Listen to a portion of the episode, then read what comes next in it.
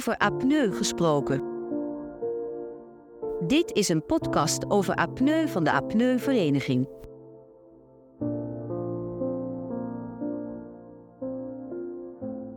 Bij de behandeling van apneu begint de laatste tijd steeds meer ook het onderwerp leefstijl een rol te spelen.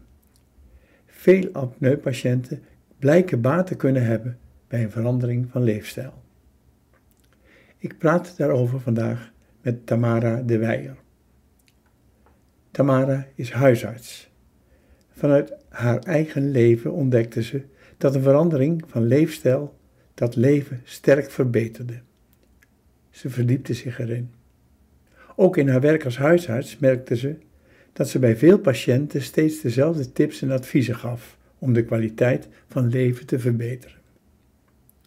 Ze besloot dat ook buiten de spreekkamer uit te dragen en ontwikkelde een online leefstijlprogramma met zes pijlers: voeding, beweging, ontspanning, verbinding, zingeving en slaap. Welkom Tamara, leuk dat je mee wil doen aan deze podcast. Dankjewel, ontzettend leuk om hier te zijn. We gaan het eh, hebben over leefstijl, we gaan het hebben over apneu. Maar jij hebt een leefstijlprogramma ontwikkeld met zes pijlers. Zou je daar wat over kunnen vertellen? Ja, zeker. Um, ik werk als huisarts, uh, nu al bijna tien jaar, uh, met heel veel plezier. Maar ik merkte dat ik uh, soms een beetje moe werd van elke keer hetzelfde verhaal vertellen. En toen heb ik samen met een collega heb ik het leefstijlprogramma gemaakt, waarbij ik nou, het is eigenlijk een kijkje in mijn hoofd en met mijn ervaring uh, rondom leefstijl. En wat je ziet is dat uh, vrouwen alles komt terug op zes pijlers. En dat is natuurlijk wat je eet en drinkt. Dat is hoeveel je beweegt, of je veel stress hebt, hè, bijvoorbeeld hoe je ontspant, hoe je slaapt, maar ook hoe je sociale verbinding is. Hè, dus is er eenzaamheid of niet? En zingeving. En zingeving is wat mij betreft helemaal niks vaak of niks spiritueels, maar het is voor mij heel erg eh, van, ja, hè, waar kom jij in je bed vooruit? Wat, uh, wat vind jij uh, de moeite waard? En zeker die laatste twee, daar ja, mag wat mij betreft nog wel veel meer aandacht aan voor zijn. Want je ziet als je erg eenzaam bent of je sleept jezelf van dag tot hè, dag, van weekend naar weekend op je werk. Nou ja, dan wordt het toch veel lastiger ook om gezond te eten of voldoende te bewegen of hè, weinig stress te hebben, goed te slapen. Dus al die zes pijlers zijn van belang voor een gezonde leefstijl. Dat is voor mensen met apneu heel geruststellend. Want als ik mensen praat met apneu en ik uh, heb de term leefstijl, neem ik in de mond, dan zeggen ze meteen, oh, maar dan moet ik afvallen. En in jouw geval zijn er nog vijf andere dingen ook. Zeker, ja. Nou ja, en ik denk, en daar gaan we het daar natuurlijk vast over hebben. Um, gewicht heeft wel een belangrijke rol bij met name natuurlijk het obstructief slaapapneu. Uh, maar, uh, maar je ziet leefstijl in het algemeen. We, we, richten ons nu natuurlijk op OZO's, maar het gaat ook om vitaal ouder worden. Hè? Het gaat om gezond ouder worden. En nou ja, als je kinderen, kleinkinderen hebt, om daarop van te genieten. En dat zie ik ook vaak als reden bij patiënten bij mij in de praktijk. Het, is, ja, het afvallen is één, maar je wil je graag gewoon fit en fijn en geen patiënt voelen. En ik denk dat gaat veel verder dan een, eh, een slanke lijn of hè, een mooi jurkje of een broek die je aankomt toen je 25 was. Maar dat gaat veel verder. Er is een relatie tussen, in ieder geval, een van die factoren voor, voor, voor, leefstijl, of voor gewicht, tussen leefstijlfactoren en ontstaan van uh, slaap, slaapapneu. Zou je dat kunnen toelichten? Ja, zeker. Kijk, en je ziet bij uh, met name dus de obstructieve uh, kant, dat ik denk, daar weten we ook het meeste van. Daar hebben ook het meeste mensen last van. Dus ik dat, ja, eh, daar weet ik ook het meeste van, ga ik ook even voorop stellen. Ehm, ja, je ziet dat daarbij dus gewicht wel een hele belangrijke oorzaak heeft. Maar je ziet ook bijvoorbeeld dat alcohol daar ook een belangrijke oorzaak in heeft. Ik zie dat toch ook nog wel eens bij mensen die bijvoorbeeld alcohol, die wel slank zijn, maar wel elke avond toch een paar borreltjes nemen. Nou, je ziet natuurlijk, hè, het, eh, ja, de, de, uh, alles verslapt natuurlijk in de keel. Hè, dus de tong zakt ook wat naar achter, de, de, de keel, de, de hals die zakt wat in. En je ziet alcohol verslapt ook. Dus ik zie dat ook nogal regelmatig terug bij mensen die wel slank zijn. eh, maar wel alcohol drinken. Daarom ja, hebben we als advies toch sowieso voor vrouwen eigenlijk om niet te drinken. Even los ook van de apneu, maar ook bijvoorbeeld voor de kans op borstkanker. En voor mannen maximaal één glas per dag. En dan heb ik dat liever, hè, ook, zeker ook weer bij mensen met apneu, doe dat dan bij het avondeten. En niet bijvoorbeeld pas heel laat in de avond. Want we denken nog wel eens van, oh, door alcohol ga je beter slapen. Maar we zien dat mensen wat sneller inslapen. Maar de kwaliteit van de slaap, ja, daar is vaak, die gaat juist achteruit. En je wil natuurlijk, nou, zeker bij apneu, die kwaliteit van de slaap zo optimaal mogelijk maken. Er wordt ook wel eens gezegd, kijk, dat is het enige geval, gewicht en, en al die factoren veroorzaken apneu. Maar het, wordt ook wel eens gezegd dat apneu ook gewichtstoename uh, oplevert. Op het moment dat je dat hebt. Ja. ja, wat is het kip en wat is het ei, hè? En dat is natuurlijk zeker. Dus we zien ook, ja, als er is natuurlijk een aantal factoren ook. Dus als je al overgewicht hebt, dan is ja, overwegen het is uh, het gebied rond de hals is ook wat, wat groter, kan het wat makkelijker inzakken. Um, maar wat je, en, en je ziet ook, eh, ja, als de buik groot genoeg is bijvoorbeeld, want overgewicht kan natuurlijk op heel veel plekken zitten. Nou, dan worden ook die longen worden gewoon ook een beetje naar boven gedrukt. Die maag wordt een beetje naar boven gedrukt. Um, maar wat je ook ja, andersom ziet, is dat die slaapapneu, je hebt natuurlijk de apneus, dus je hebt de, de periodes waarin je niet ademt. En dat is voor het lichaam extreem stressvol. Um, en wat je ziet is, daar komen allerlei oude mechanismes komen daar. Dus bijvoorbeeld je stressniveau gaat omhoog. Je hebt een veel grotere kans op bijvoorbeeld hoge bloeddruk, op hart- en vaatschade. Um, en je ziet ook daarbij, omdat je dus je slaap is zo onrustig en ook hoef je niet altijd zelf wat van te merken. Je slaap is zo onrustig dat je, um, je komt niet meer in die kwalitatief goede slaap.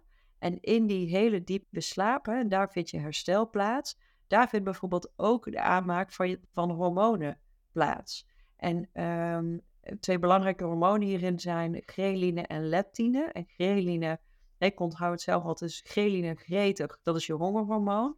En leptine is je verzadigingshormoon, en dus hoe lang zit je vol. En we zien als mensen slecht slapen, en dan met name dus die diepe slaap, hè, dus niet die hazenslaap, maar echt die diepe slaap, dan maken ze veel minder van dat uh, leptine aan. Dus je ziet dat zij zijn veel minder snel verzadigd. Dus uh, we zien ook bijvoorbeeld in onderzoeken terug, als mensen al één nacht slecht slapen, dan eten ze gemiddeld genomen 150 kilocalorieën meer die dag daarna. Nou ja, laat staan dat je jaar in, jaar uit slecht slaapt. Ja, en dan kom je ja, heel terecht punt een beetje in die kip-ei-discussie. Van nou ja, wat, wat ontstaat er nou eerst? Maar we weten wel, het, heeft, het kan allebei de kanten op gaan. Laten we het eens over voeding hebben. Heb jij richtlijnen of suggesties voor voeding waardoor uh, nou, in ieder je gewicht afneemt en dus ook voordeel je uh, symptomen van slaapapneu verminderen? Ja, voeding, we, doen heel moeilijk over voeding en er wordt heel veel onderzoek gedaan naar voeding. Maar in de basis is het niet zo heel ingewikkeld. In de basis is het eigenlijk um, eten zoals jouw grootouders het nog zouden herkennen als eten. Dus gewoon normaal eten. Dus gewoon groente, fruit, um, zo onbewerkt mogelijk, zo dicht mogelijk bij de natuur. Niet uit pakjes, zakjes, sausjes, dingetjes, hè, wat wij er in de fabriek van hebben gemaakt. Dus eten die zo dicht mogelijk bij de natuur staat. En laat en, eh, een beetje zuivel, een beetje yoghurt, kwark, een beetje kaas, klein beetje vlees, niet te veel. Omdat het ook weer hart- en vaatschade kan geven, met name het rode vlees. Um, wat vis, een beetje olijfolie misschien. Nou, ik weet niet of jouw grootouders dat al uh, gebruikten, maar dat is meer vanuit die mediterrane kant opgekomen. Maar eten waar met name niet zo heel veel aan geknutseld is. En ik denk dat dat is al, hè, als je kijkt naar de consensus, dus waar zijn wetenschappers het over eens? In alle wetenschappelijke onderzoeken is dat de basis. Ja, en dan kan je nog gaan stoeien over een beetje wat meer of minder koolhydraten, van meer of minder vetten, of wel of niet biologisch. Maar de basis is gewoon meer vers, meer onbewerkt en gevarieerder. En dan ben je dus echt al een heel eind. En het mooie is dus, als je dat ongeveer 80% van de tijd doet, dan kan een keer een borreltje, een stuk pizza, een taart, een barbecue. Dat maakt dus helemaal niet zo heel veel uit. Dat kan je lijf heel prima verwerken. Maar wat we nu aan het doen zijn, is uh, we zijn diesel in de benzineauto aan het gooien. Dus wij gooien ja, ons lijf vol met de verkeerde brandstof. En nou, ik eh, heb het wel eens andersom gedaan. Ik heb wel eens benzine in een dieselauto uh, gegooid, tot groot verdriet van mijn moeder. Gewoon uit automatisme. Ik kon nog best een stukje rijden. Maar op een gegeven moment ging die auto haperen en op een gegeven moment ging die stilstaan. En zo werkt dat ook in het lichaam. Hè? Je kan nog best wel een ijsje voort met de verkeerde brandstof. Maar op een gegeven moment gaat dat lichaam haperen. En dat, gaat, dat wordt zwaarder. Uh, dat zorgt ervoor dat je hoge bloeddruk krijgt, een hoog cholesterol. Um, misschien hoofdpijnklachten, maag-darmklachten. En um, ja, daar kan je dus met name, en daarom vind ik het zo mooi dat je ook meteen vraagt naar voeding. Daar kan, dus voeding is een hele belangrijke eerste stap. Dus de juiste brandstof voor jouw motor. We hadden het ook al even over alcohol en impact van alcohol en tabak op slaapapneu. Ja, nou kijk, alcohol weten we dus, hè, omdat het met name verslapt. Um, we zien overigens ook weer als mensen, ook uit onderzoeken, als mensen alcohol drinken, eten ze ook veel meer dan zonder alcohol. Hè. Dat neemt toch ook je remmingen, neemt het weg. Nou, dan staat er vaak van alles op tafel en dan pak je toch niet net die tomaatjes, maar dan ga je toch voor dat, uh, voor dat zoet en vet. Um, maar en het verslapt. Ja, bij roken is dat iets minder duidelijk. Kijk, we weten natuurlijk, de, de tabaksfabrikanten kunnen er nu echt ook niet meer omheen. Volgens mij hebben ze alle rechtszaken inmiddels verloren. Roken is ongelooflijk slecht voor je. Um, dus daarom hoef je het volgens mij verder niet over te hebben. Het nadeel met roken en slaapapneu is met name ook, um, het kan de slijmvliezen wat laten zwellen. Dus de slijmvliezen bijvoorbeeld in je neus, waardoor je wat neusverstopt bent, waardoor je meer gaat snurken. Je krijgt er niet meer aapneus door. Maar het kan bijvoorbeeld wel, stel bijvoorbeeld dat jij een CPAP-apparaat uh, draagt um, en jouw neus is niet goed doorgankelijk. Ja, dan is die luchtstroom, hè, die komt ook veel minder op de plek waar die zou moeten zijn. Dus, nou ja, roken is over het algemeen hartstikke slecht. En kan dus het snurken, maar ook bijvoorbeeld het gebruik dus van CPAP-apparaten verslechteren. Maar uh, het verslechteren van de aapneus dat, uh, dat doet ook niet. En misschien nog wel goed even om hierbij te vertellen, is dat um, ook al ben je, ja, en mensen hebben gemiddeld meer dan 10 stoppogingen nodig om te stoppen met roken. Het heeft op elke leeftijd heeft het nog zin om te stoppen met roken. En we weten dat als je het onder begeleiding doet, hè, dus van je huisarts, praktijkondersteuner, uh, verpleegkundige in het ziekenhuis heb je ook mooi stop met roken dan weten we dat het um, ja, effecten daarvan veel groter is. Dus de kans op slagen is veel groter als je het onder begeleiding doet. We hadden het er net ook al even over, daar ben ik ook heel benieuwd naar. De invloed van stress en je mentale gezondheid op nou, ook het voorkomen en de verschijnselen van apneu. Ja. Nou ja, kijk, je, belangrijk is echt het, het, zenuwstelsel een beetje te kennen hierin. Hè? Dus je hebt het parasympathisch en het sympathisch zenuwstelsel. Dan moet je voorstellen dat het sympathisch zenuwstelsel is je gaspedaal en je parasympathisch zenuwstelsel is je rempedaal. Dus als dat gaspedaal wordt ingedrukt, nou, dat kennen we vanuit de oude fight-or-flight reactie. Er komt een beer of een sabeltandtijger op je weg. Nou dan moet je aanstaan, er moet adrenaline moeten gemaakt. Dus je hartslag gaat omhoog, je bloeddruk gaat omhoog, je ademhaling gaat omhoog. En er gaat veel minder energie naar verteren of het aanmaken van, hè, aanmaken van hormonen of herstel van de cellen. Dat is op dat moment niet zo belangrijk. Je moet gewoon maken dat je wegkomt. Dus, um, en dan heb je daarnaast heb je het parasympathisch zenuwstelsel en dat is je rempedaal. Nou, je ziet als dat ingedrukt wordt, dat heeft uh, de nervus vagus, dus de zwervende zenuw, die, um, uh, ja, die, die stuurt dat aan. En wat je dan ziet, is dat je ademhaling wordt trager, je hartslag wordt trager, je hart, uh, je bloeddruk gaat naar beneden, je lichaam gaat alles verteren, gaat alles herstellen. En als dat afgewisseld wordt, dan is dat vaak heel mooi in balans. En dan zie je ook, en dan heb je bijvoorbeeld, nou ja, net zoals nu in een presentatie, ik heb het al honderd, misschien nog veel vaker gedaan. Het is toch altijd even spannend, hè? ga ik de juiste dingen zijn, komt het er goed uit?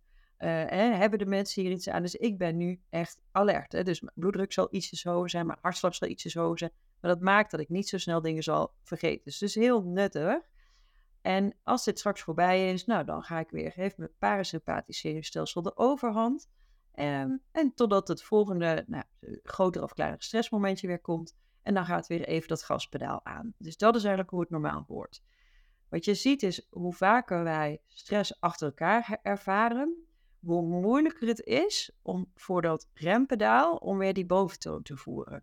Dus je ziet op een gegeven moment heeft dan dus juist het gaspedaal heeft de boventoon.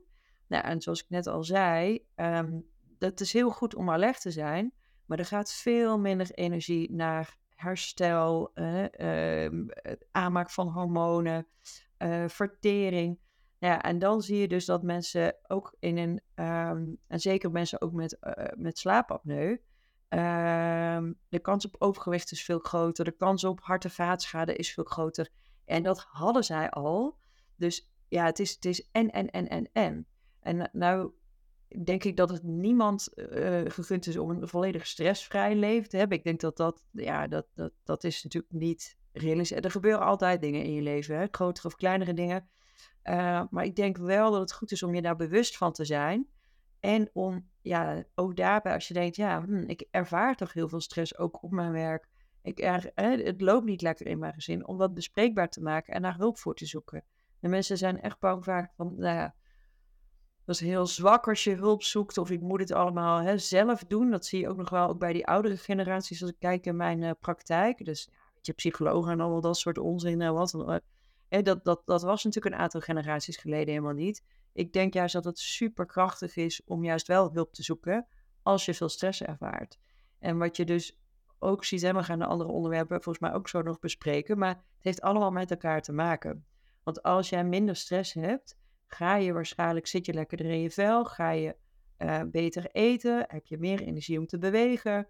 Hè, heb je, doordat je beweegt, ja, val je, hè, door, of alles bij elkaar, val je misschien een beetje af, slaap je wat lekkerder. Dus het is, heeft allemaal met elkaar te maken. Je, de term bewegen viel al net even. nou, dat is ja. de volgende vraag. Regelmatige ja. beweging, uh, is ja. dat verstandig? En welke beweging uh, zou je mensen met apneu aanraden?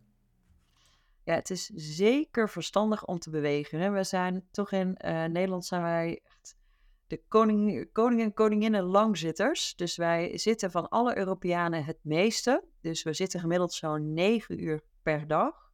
Uh, dus dat is echt ontzettend veel. Dus mijn advies is juist eh, minder zitten, meer bewegen. En welke beweging je doet, maakt eigenlijk niet zo heel veel uit. Dus als je hartslag dan maar een beetje van omhoog gaat, en dan is natuurlijk wandelen. Nou, wandelen is echt een van de beste vormen van beweging die er zijn. Um, hè, uh, je, je, ziet zeker wandelingen ook langer dan een half uur. Of langer dan 20 minuten eigenlijk. Het is een mooie ommetje natuurlijk uh, van de Hersenstichting.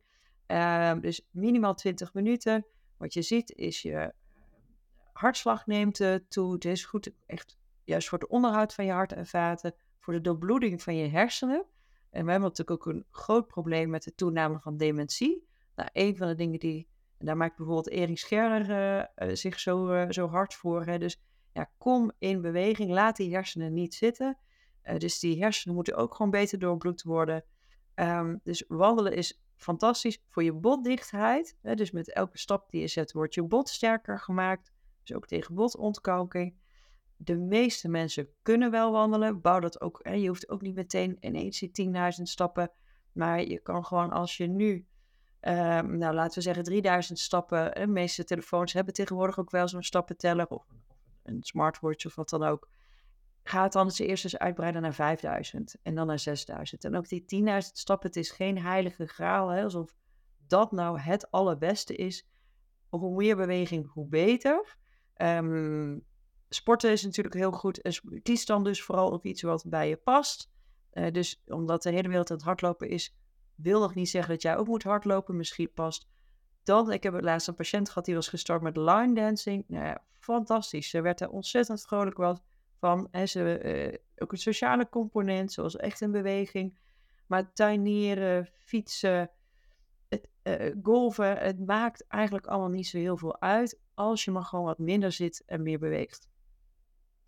Duidelijk. term slaaphygiëne, zegt hij je wat en heb je daar ook nog tips voor? Ja, slaap vind ik ook wel echt iets, eh, ja, uh, iets onderschats. Hè? Dus de kwaliteit van je slaap, uh, ik zei het net al, is heel erg belangrijk voor de herstel ook van je, van je lichaam. Ja, ik denk bij slaap zijn een aantal dingen belangrijk. Is je lichaam houdt van regelmaat. Dus die wil het liefst rond dezelfde tijd naar bed en rond dezelfde tijd weer op. En dat heeft te maken allemaal met ook je circadiane ritme, met je biologische klok. Dus dat wordt op een gegeven moment wordt dan melatonine, het slaaphormoon, aangemaakt. Nou, dan is de bedoeling ook dat we wat slaperiger worden en dan gaan slapen. Um, en dan ongeveer dezelfde tijd weer opstaat. Als je dat continu varieert, dan zie je dat dat voor het lichaam heel moeilijk ook te corrigeren is. Dus het liefst rond dezelfde tijd naar bed, dezelfde tijd weer op. Als je nou een keer wil uitslapen, dan het liefst maar maximaal een uur later. Dan kan het lichaam dat meestal ook wel heel goed nog corrigeren. Um, ook weer mooi uh, uh, over het onderwerp 6 waar we het net over hadden. Voor het brein is het het fijnste om een uh, opgeruimde slaapkamer te hebben. Want heel veel rommel in de slaapkamer zorgt er dus voor, zijn prachtige onderzoeken naar, dat wij dus al onrustiger slapen. Dus het lichaam vindt dat, ja, je wil eigenlijk dat s'avonds, dat dat brein in een soort stand-by modus komt. Dus, want we staan de hele dag staan we aan, dan we zitten de hele dag echt bijna op dat gaspedaal komen we door en dan ploffen we s'avonds op de bank, kijken we nog wat tv. Denken we dat dat ontspanning is, maar voor het brein is dat inspanning. Want dat brein moet alles ook weer gaan verwerken. Nou, en dan zie je van, nou, dan kijken we even tv, ploffen we in de ontplofte slaapkamer en dan denken we, hé, hey, we kunnen niet goed slapen. Maar voor het brein is het het fijnste om echt even een uur, twee uur voordat je gaat slapen, echt in die standby modus te komen. Dus uh, wat rustige muziek, um, luisteren, misschien nog een avondwandeling maken, een beetje rommelen in huis. Ik vind strijken ook altijd een hele fijne bezigheid voordat ik s'avonds ga slapen. Je hebt er geen hersencel voor nodig. Het is gewoon heel rustig, zet ik een muziekje op. En, uh, en het zorgt dat, dat dat brein gewoon ook veel rustiger wordt. En we zien wel bij tv-programma's dat het ook wel weer uitmaakt wat je kijkt. ik zie uh, uh, ja, bijvoorbeeld bij als je een natuurdocumentaire met die heerlijke, monotone, fantastische stem van David Attenborough kijkt, dan zie je dat mensen dus vaak veel beter slapen. Maar is het echt een hele um, uh, ja, stevige actiefilm of zo, dan doet dat echt iets heel anders. Dus ook weer wat je kijkt, heeft veel uh, invloed. En ook weer even het linkje ook maken met, uh, met de apneu. Um, alcohol, maar ook bijvoorbeeld slaapmiddelen, die zorgen ervoor en ook dat je apneu kan verergeren, ook omdat die ook weer een verslappend effect hebben. Maar die zorgen ook weer voor minder diepe slaap. Dus een, een nachtmutsje uh, of slaapmedicatie echt liever niet. En de kwantiteit van je slaap, dus de, of sorry, de kwaliteit van je slaap, dus hoe je slaapt, is veel belangrijker dan de kwantiteit van je slaap. Want mensen kunnen prima zes uur slapen, maar heel goed en diep geslapen hebben. En mensen kunnen tien uur slapen en helemaal kapot zijn daarna. En ik denk dat veel mensen ook met apneu dat wel herkennen ook, hè, dat ze ontzettend moe zijn. Um, dus de kwaliteit van je slaap, dus hoe je slaapt, is veel belangrijker dan hoe lang je slaapt. Het slaapdutje overdag, is dat verstandig of niet? Ja, dat is een goede vraag. De, de onderzoeken daarin spreken elkaar een beetje tegen. Sommigen zeggen, ja, dat moet je echt niet doen, want je, ehm, kijk, je, je wil gaan slapen omdat je slaapdruk verhoogt. Dus, dus de slaapdruk neemt toe door de dag heen. Dus je lijf wordt slaapdruk en op een gegeven moment is die slaapdruk, dus de behoefte aan slaap, zo hoog dat je moe wordt en gaat slapen. Als je uh, even een powernapje doet, dan zie je dus dat die slaapdruk, dus de zin om te slapen of de behoefte om te slapen, die onderbreek je daarmee, want je hebt eigenlijk al aan die behoefte voldaan.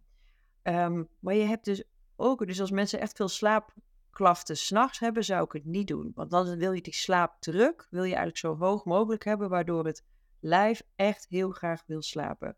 Maar als mensen uh, tussen de middag moe zijn en merken dat met 20 minuutjes, want je wil het ook niet te lang doen, dat ze daarna veel productiever zijn dat ze veel meer energie hebben, zich veel beter voelen en ze slapen s'nachts ook goed, is zo'n powernap is helemaal prima. En ik denk, het is ook een beetje persoonlijk. Ik heb het wel eens gedaan, maar ik kom daar volledig gerabracht uit. Dus voor, ja, voor mij werkt het echt helemaal niet. Ik kan veel beter dan om negen uur s'avonds naar bed gaan. Ehm, maar sommige mensen voelen zich veel fitter uh, daarna. Mijn man kan dat heel goed. Die vindt dat echt heerlijk. En die is daarna veel fitter.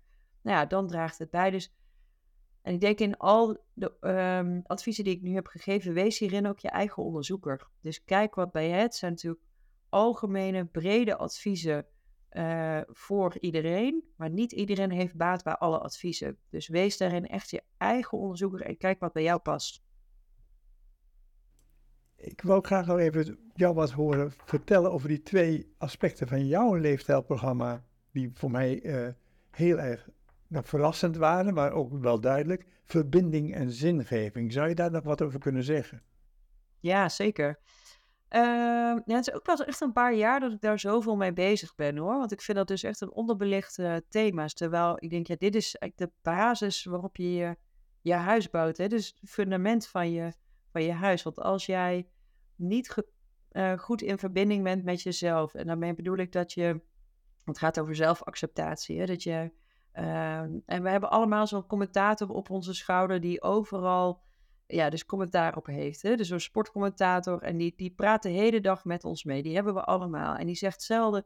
Oh, wat zie je er goed uit? Of wat heb je dit nou goed gedaan? Of nou, je mag echt trots zijn op jezelf. Maar die heeft meestal commentaar op dit heb je niet goed gedaan, dit ziet er niet goed uit, wat ben je toch een slappeling, wat ben je toch een, nou ja, we, kennen, we kennen hem allemaal denk ik wel. Uh, maar heeft hij een megafoon of fluistert die commentator?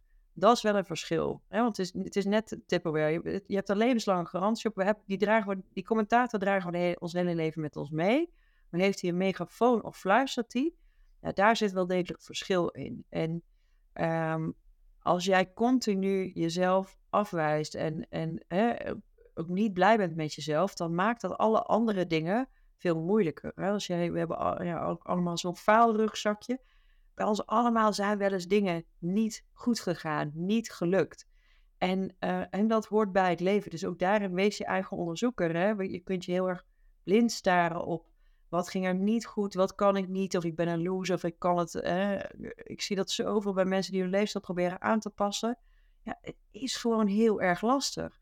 Maar kijk nou eens ook naar, is er een moment geweest in mijn leven waarbij dit heel goed ging? Waarbij eh, de wind me in de zeilen zat, waarbij ik het helemaal had, uh, had begrepen. En um, wat ging er toen, wat deed ik toen? Zeg maar, wat kan ik daaruit leren? Dus dat is de verbinding met jezelf. Uh, en de verbinding met de anderen. We zien dat eenzaamheid heeft nog een, is nog een grotere voorspeller voor vroegtijdig overleggen, uh, overlijden dan roken. Um, en dat weten we sinds een groot onderzoek uit 2010 van een hele verrassende psycholoog. En um, ik denk dat eenzaamheid ook een van die thema's is waar we nog te weinig aandacht voor hebben. En bij eenzaamheid denken we heel vaak van, oh, maar dat zijn uh, degene uh, die, die geen relatie hebben en die uh, eigenlijk het huis bijna niet uitkomen of die op feestjes stilletjes in, in een eentje in een hoekje zitten. Maar eenzaamheid is veel breder dan dat. Dus je kunt ook in een relatie zitten en toch heel eenzaam zijn. En je kan twintig vrienden hebben en je toch heel eenzaam en niet begrepen voelen. Dus ja, de eerste stap daarover is praat daarover. En als je dus, maar er zit vaak een enorm taboe op dit onderwerp, omdat we ook niet, nou ja, we willen niet zielig gewonnen voor, uh, gevonden worden. Hè, we vinden het soms zwak. Uh, uh, of daar weer ook, ja, we wijzen onszelf weer heel erg af. Maar praten erover en kijken, er zijn ook hele mooie initiatieven, bijvoorbeeld welzijn op recept. Um, om, om veel, met veel meer mensen in verbinding te komen. Want er zijn, ja, we denken dat een kwart tot de helft van de Nederlanders uh, echt enigszins of zeer eenzaam uh, is. Dus dat zijn enorme aantallen. Dus je bent echt niet alleen hierin. Maar de eerste stap is echt ook dit erkennen en hiermee uh, aan de slag gaan. Ja, en het andere onderwerp, wat ik altijd een heel mooi onderwerp vind, is zingeving. En en zoals ik straks al zei, we vinden dat soms iets heel ja, vaarts of bijna pluizends.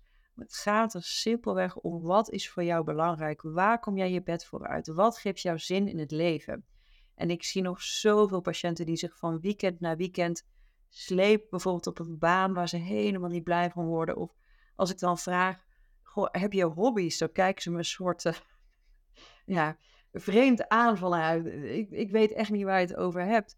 Maar dan, dan zijn ze dat allemaal verloren. Hè? We zitten toch best wel een beetje in een prestatiemaatschappij, waarbij nou, het presteren, hoe succesvol je bent, dat wordt dan toch aan werk afgemeten of aan bezittingen afgemeten. Maar uh, er is ook een prachtig onderzoek naar gedaan, dus op het sterfbed. Hè, waar hebben mensen spijt van? Ja, ik, er komt in geen enkel onderzoek naar voren. Ik heb echt spijt van dat ik niet harder heb gewerkt. Daar gaat het helemaal niet om. Het gaat erom, ik heb spijt van dat ik veel te hard gewerkt heb. Dat ik niet bij mijn gezin ben geweest. Dat ik alleen maar als een, als een met levenshaast door mijn leven ben gejakkerd. En, en niet af en toe die rust heb genomen. En ik denk dat dat ook wel een mooie boodschap is naar alle luisteraars nu. Hè. We, ja, we verwarren toch niks doen heel vaak uh, met lui zijn. Um, terwijl ja, Nixon, het schijnt ook een heel Nederlands woord te zijn. Dat, dat bestaat ook niet echt in andere talen. Um, extreem belangrijk is voor dus weer voor dat rempedaal. Dus voor dat, dat onthaasten, en ik praat ook een beetje tegen mezelf want ik vind dat zelf ook heel lastig. Uh, uh, dus met, met een veel te volle agenda. Um, maar daar, daar gaat het denk ik om. En uh, als mensen denken van ja, maar jeetje, weet je waar te beginnen? Hou eens drie dagen bij. Wat geeft mij energie en wat kost me energie?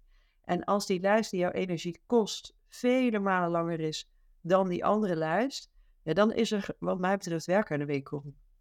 En dan zou een hele mooie, ja, wat mij altijd helpt, is de vraag: moet ik dit nu doen? En dan bij die taken, hè, moet ik het doen? Of kan ik het doen? Moet ik het doen? Of kan iemand anders het doen? Moet ik dit nu doen? Of kan het later? Ook heeft het helemaal geen haast. Uh, moet ik, even, ben ik even, moet ik dit doen? Of kan ik veel beter iets anders doen? En moet ik het doen? Of kan ik het veel beter laten? En ik denk dat we, we hebben soms zoveel op ons bordje geschoven waarbij we denken dat we het moeten doen. Maar heel vaak echt in ons hoofd zit en helemaal niet zo nodig is. Wat een mooie spiegel hou je ons voor en wat, wat, wat inspirerend is het. En het is ook prettig te herkennen dat je zegt, ja en ik heb zelf ook soms wel, en et cetera.